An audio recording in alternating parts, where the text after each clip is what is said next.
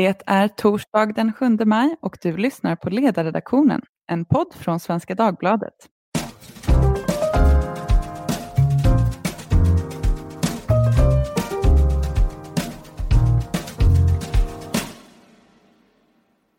Jag heter Katarina Karkainen och idag ska vi tala om politik och lobbyism. Vad är egentligen vad? Var går gränsen för vad man får göra i samspelet mellan näringsliv och det offentliga?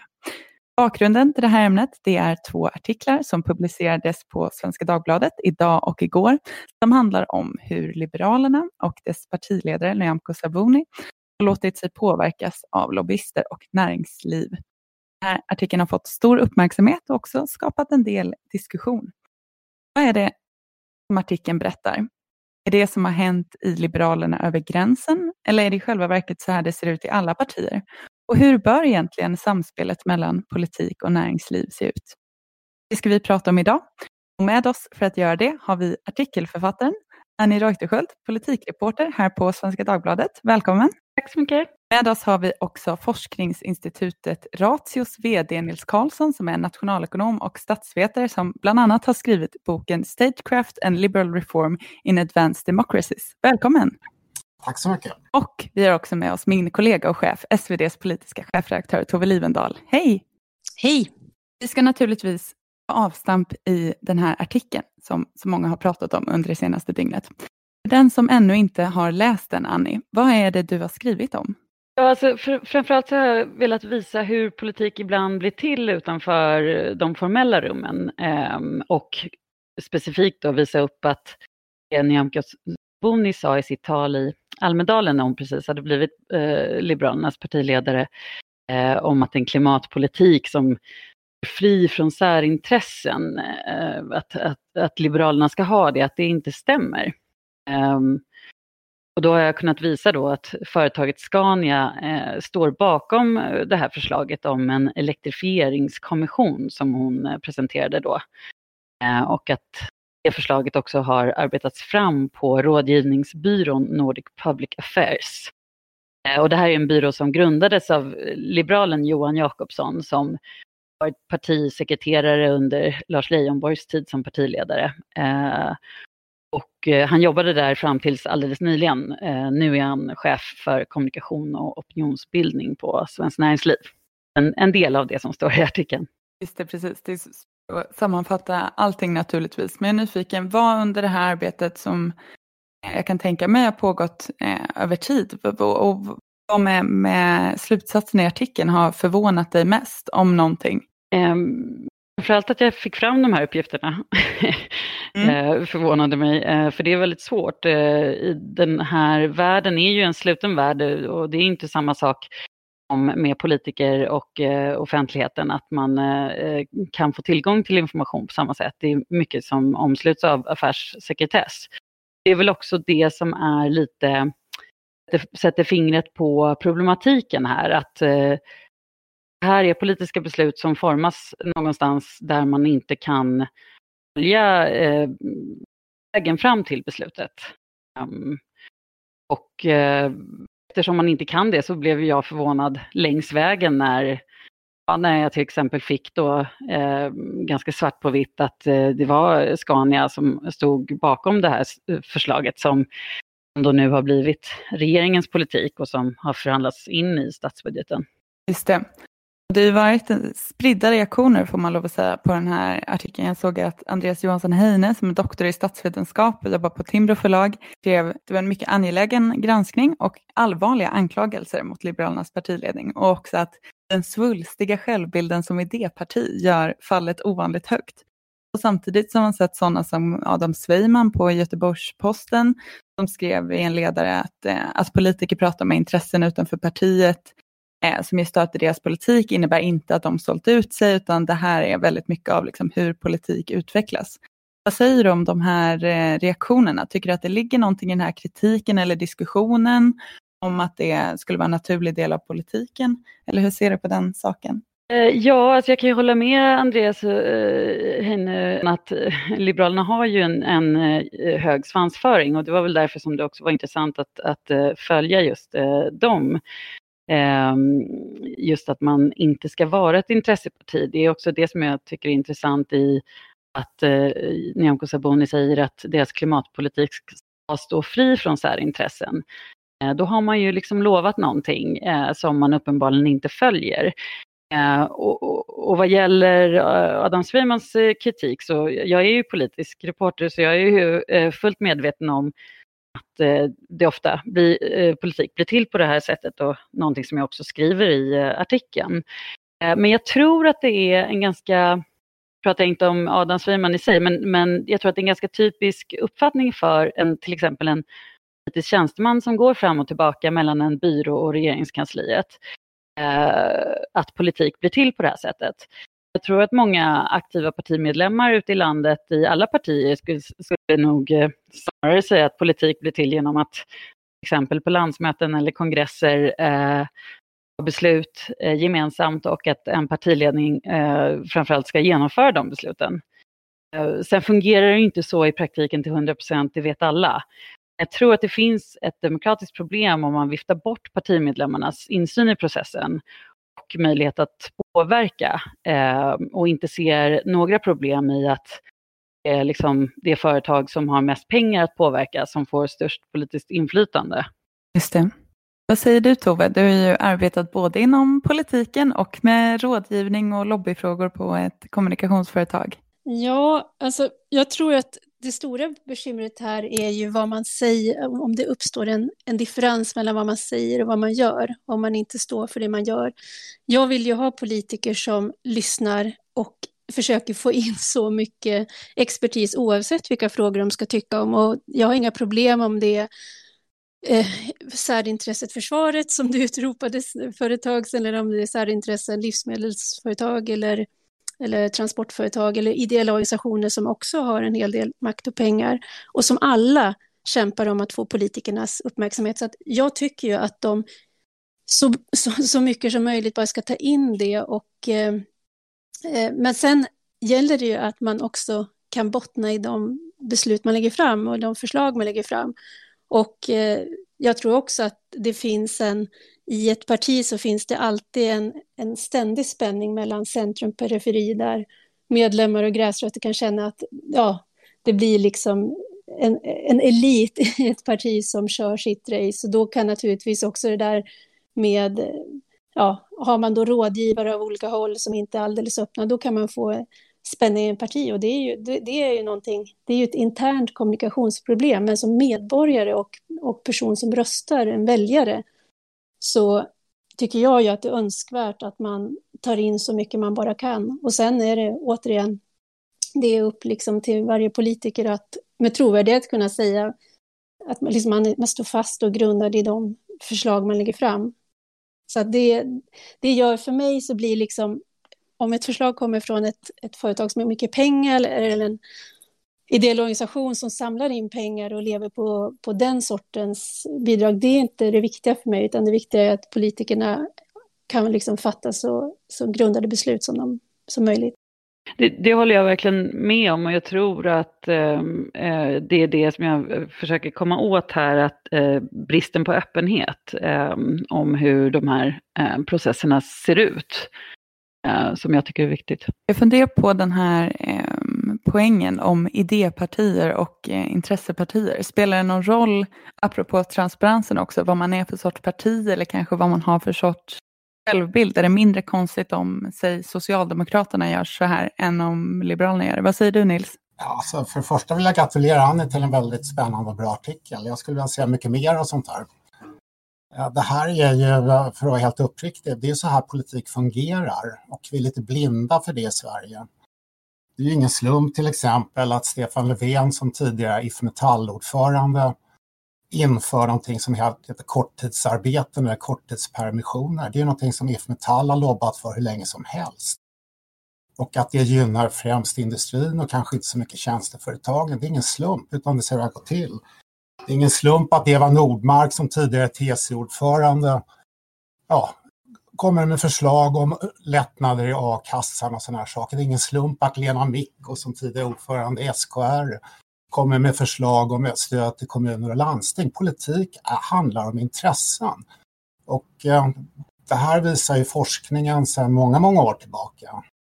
Jag brukar använda Nobelpristagaren James Buchanans uttryck politik utan romantik. Det gäller att se att så här fungerar politik. Sen kan vi tycka det är ett problem och det är det ju naturligtvis ibland.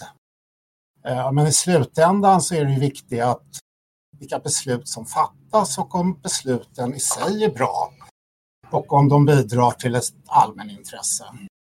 Och i det här fallet med Liberalerna så är det väl inte så konstigt att ett företag som Scania eller att personer som tidigare varit involverade i politik som Johan Jakobsson och eh, tidigare partiledare engagerar sig och försöker bidra. Det är precis det som sker hela tiden med Göran Persson eller Ingvar Carlsson eller Maud Olofsson eller vem, vem det än kan vara. Politik fungerar så här och måste fungera. Och det här har väl förstärkts med tiden vill jag säga. Så att eh, det är liksom lite naivt att tro att partier som har tappat väldigt mycket medlemmar under de senare, senaste decennierna skulle fungera enligt den här lite romantiska bilden. Utan de behöver få idéer, förslag, synpunkter från massor av olika intressen. Och om det här sker transparent är det naturligtvis bättre, men normalt sett gör det ju inte det tyvärr. Jag upplever inte att eh, du tycker att bristen på transparens är ett eh, problem i det här. Du har ju själv med de här andra exemplen jag nämnde, det, funger, det fungerar så här. Det, det, är ingen slump att Centerpartiet kommer med förslag som handlar om lättnader för skogs och jordbruksföretag när det gäller rörlighet för medarbetare som ska plocka bär eller sätta skogsplantor eller vad det kan vara för någonting. Utan de har ju de här långa historiska kopplingarna till LR. De aggregerar kan man säga det intresset som finns i samhället. På motsvarande sätt som socialdemokratin gör det via fackföreningsrörelsen.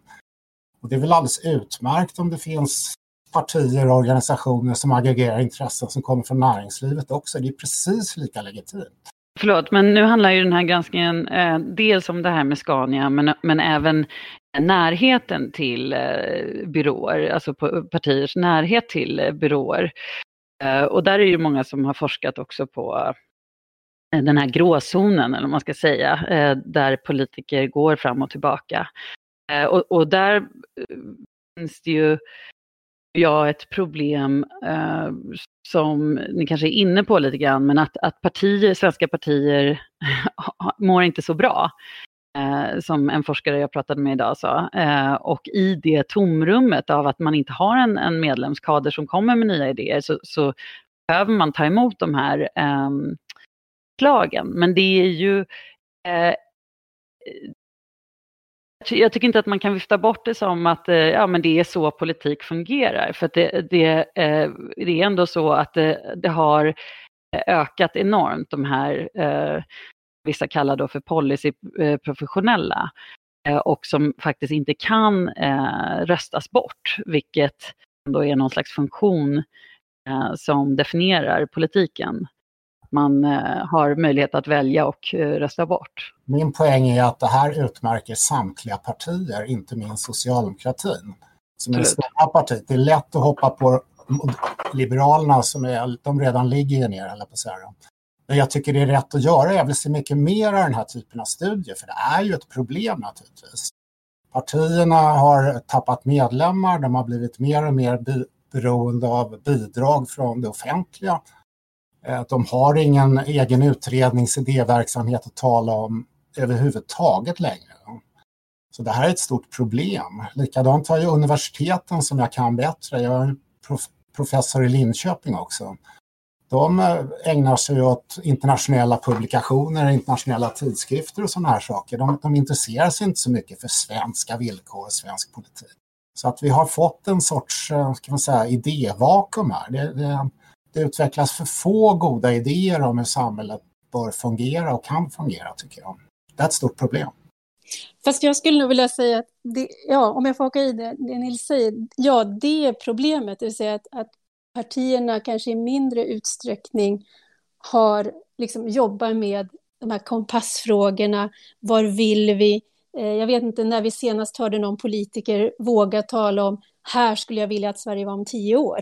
Att ta ut liksom en riktning och sen säga och vi välkomnar liksom alla förslag åt det hållet. Så det, menar, när det gäller kompass och riktning, där skulle jag ju önska mig starkare partier. Men när det gäller konsekvenser av, av, av tankar och idéer, där skulle jag önska mig ännu större att man tar in. Och jag, behöver, jag ser inte det som ett, egentligen ett, ett jätteproblem att, att det är inte medlemmarna själva som sitter där och utreder och grejer, utan jag tror att det finns en större möjlighet att du får självständiga tankar med folk som inte är avlönade av partierna, som till exempel då tankesmedjor eller andra akademiska verksamheter, eller företag och deras resurser som också kan berätta vad innebär de här förslagen i praktiken. Det var ju till exempel så med, med RUT-reformen som man, man hade en idé vad man ville åstadkomma, men man glömde förankra det med näringslivet och de som skulle utföra det. Så sen fick man ju göra om, därför att man hade inte, räk man hade liksom inte utgått från hur ser vardagen ut för företaget och för de kunder som ska använda det. Så att jag tror det,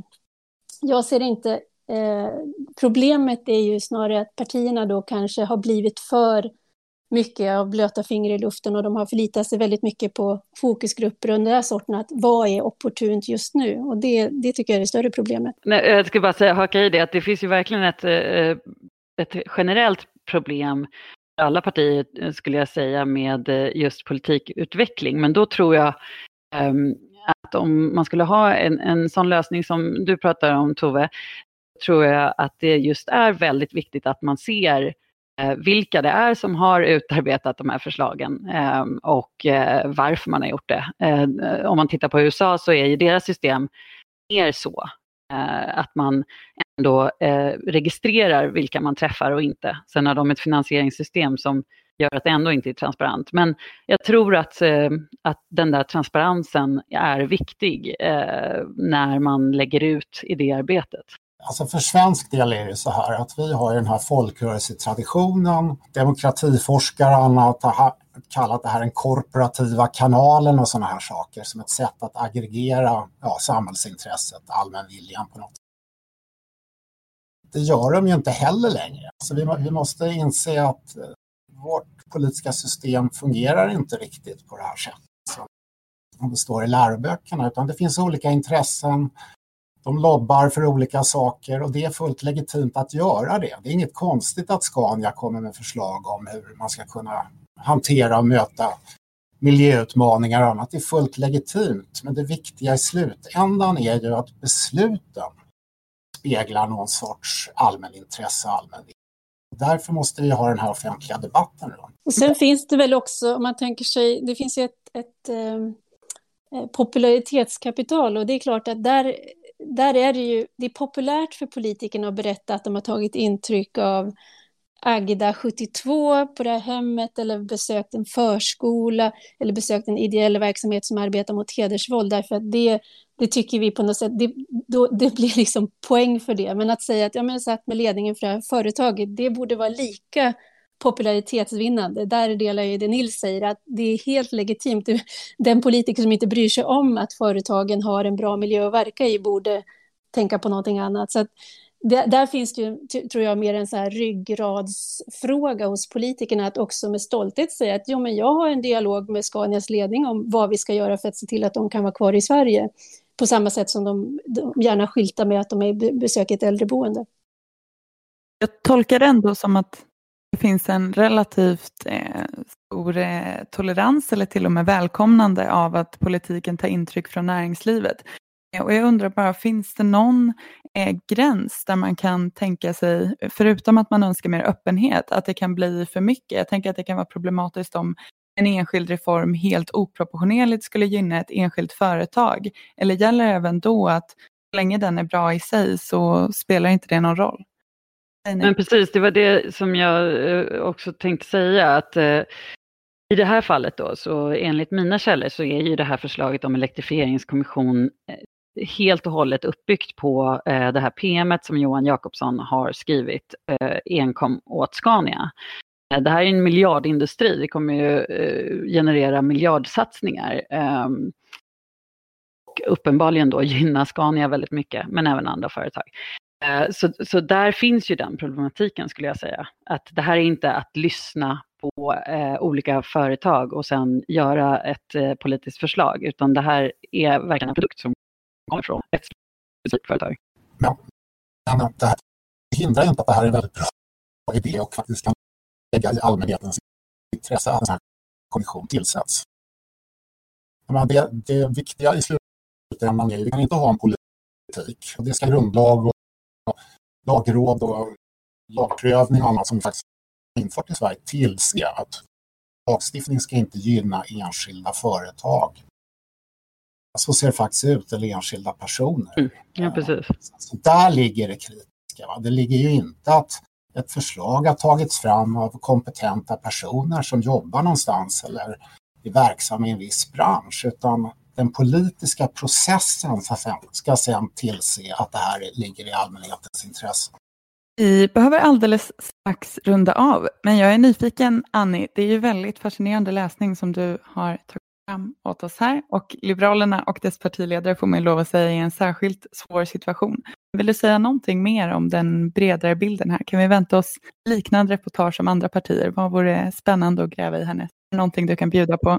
Eh, jag, jag, jag, förbereder absolut att fortsätta eh, titta på det här, för jag tycker också att, att, reaktionerna har visat det, att det finns ett sug efter eh, den här typen av politisk journalistik. Eh, så jag, och jag tycker att det är jätteintressant och, och det är som sagt absolut inte specifikt för Liberalerna.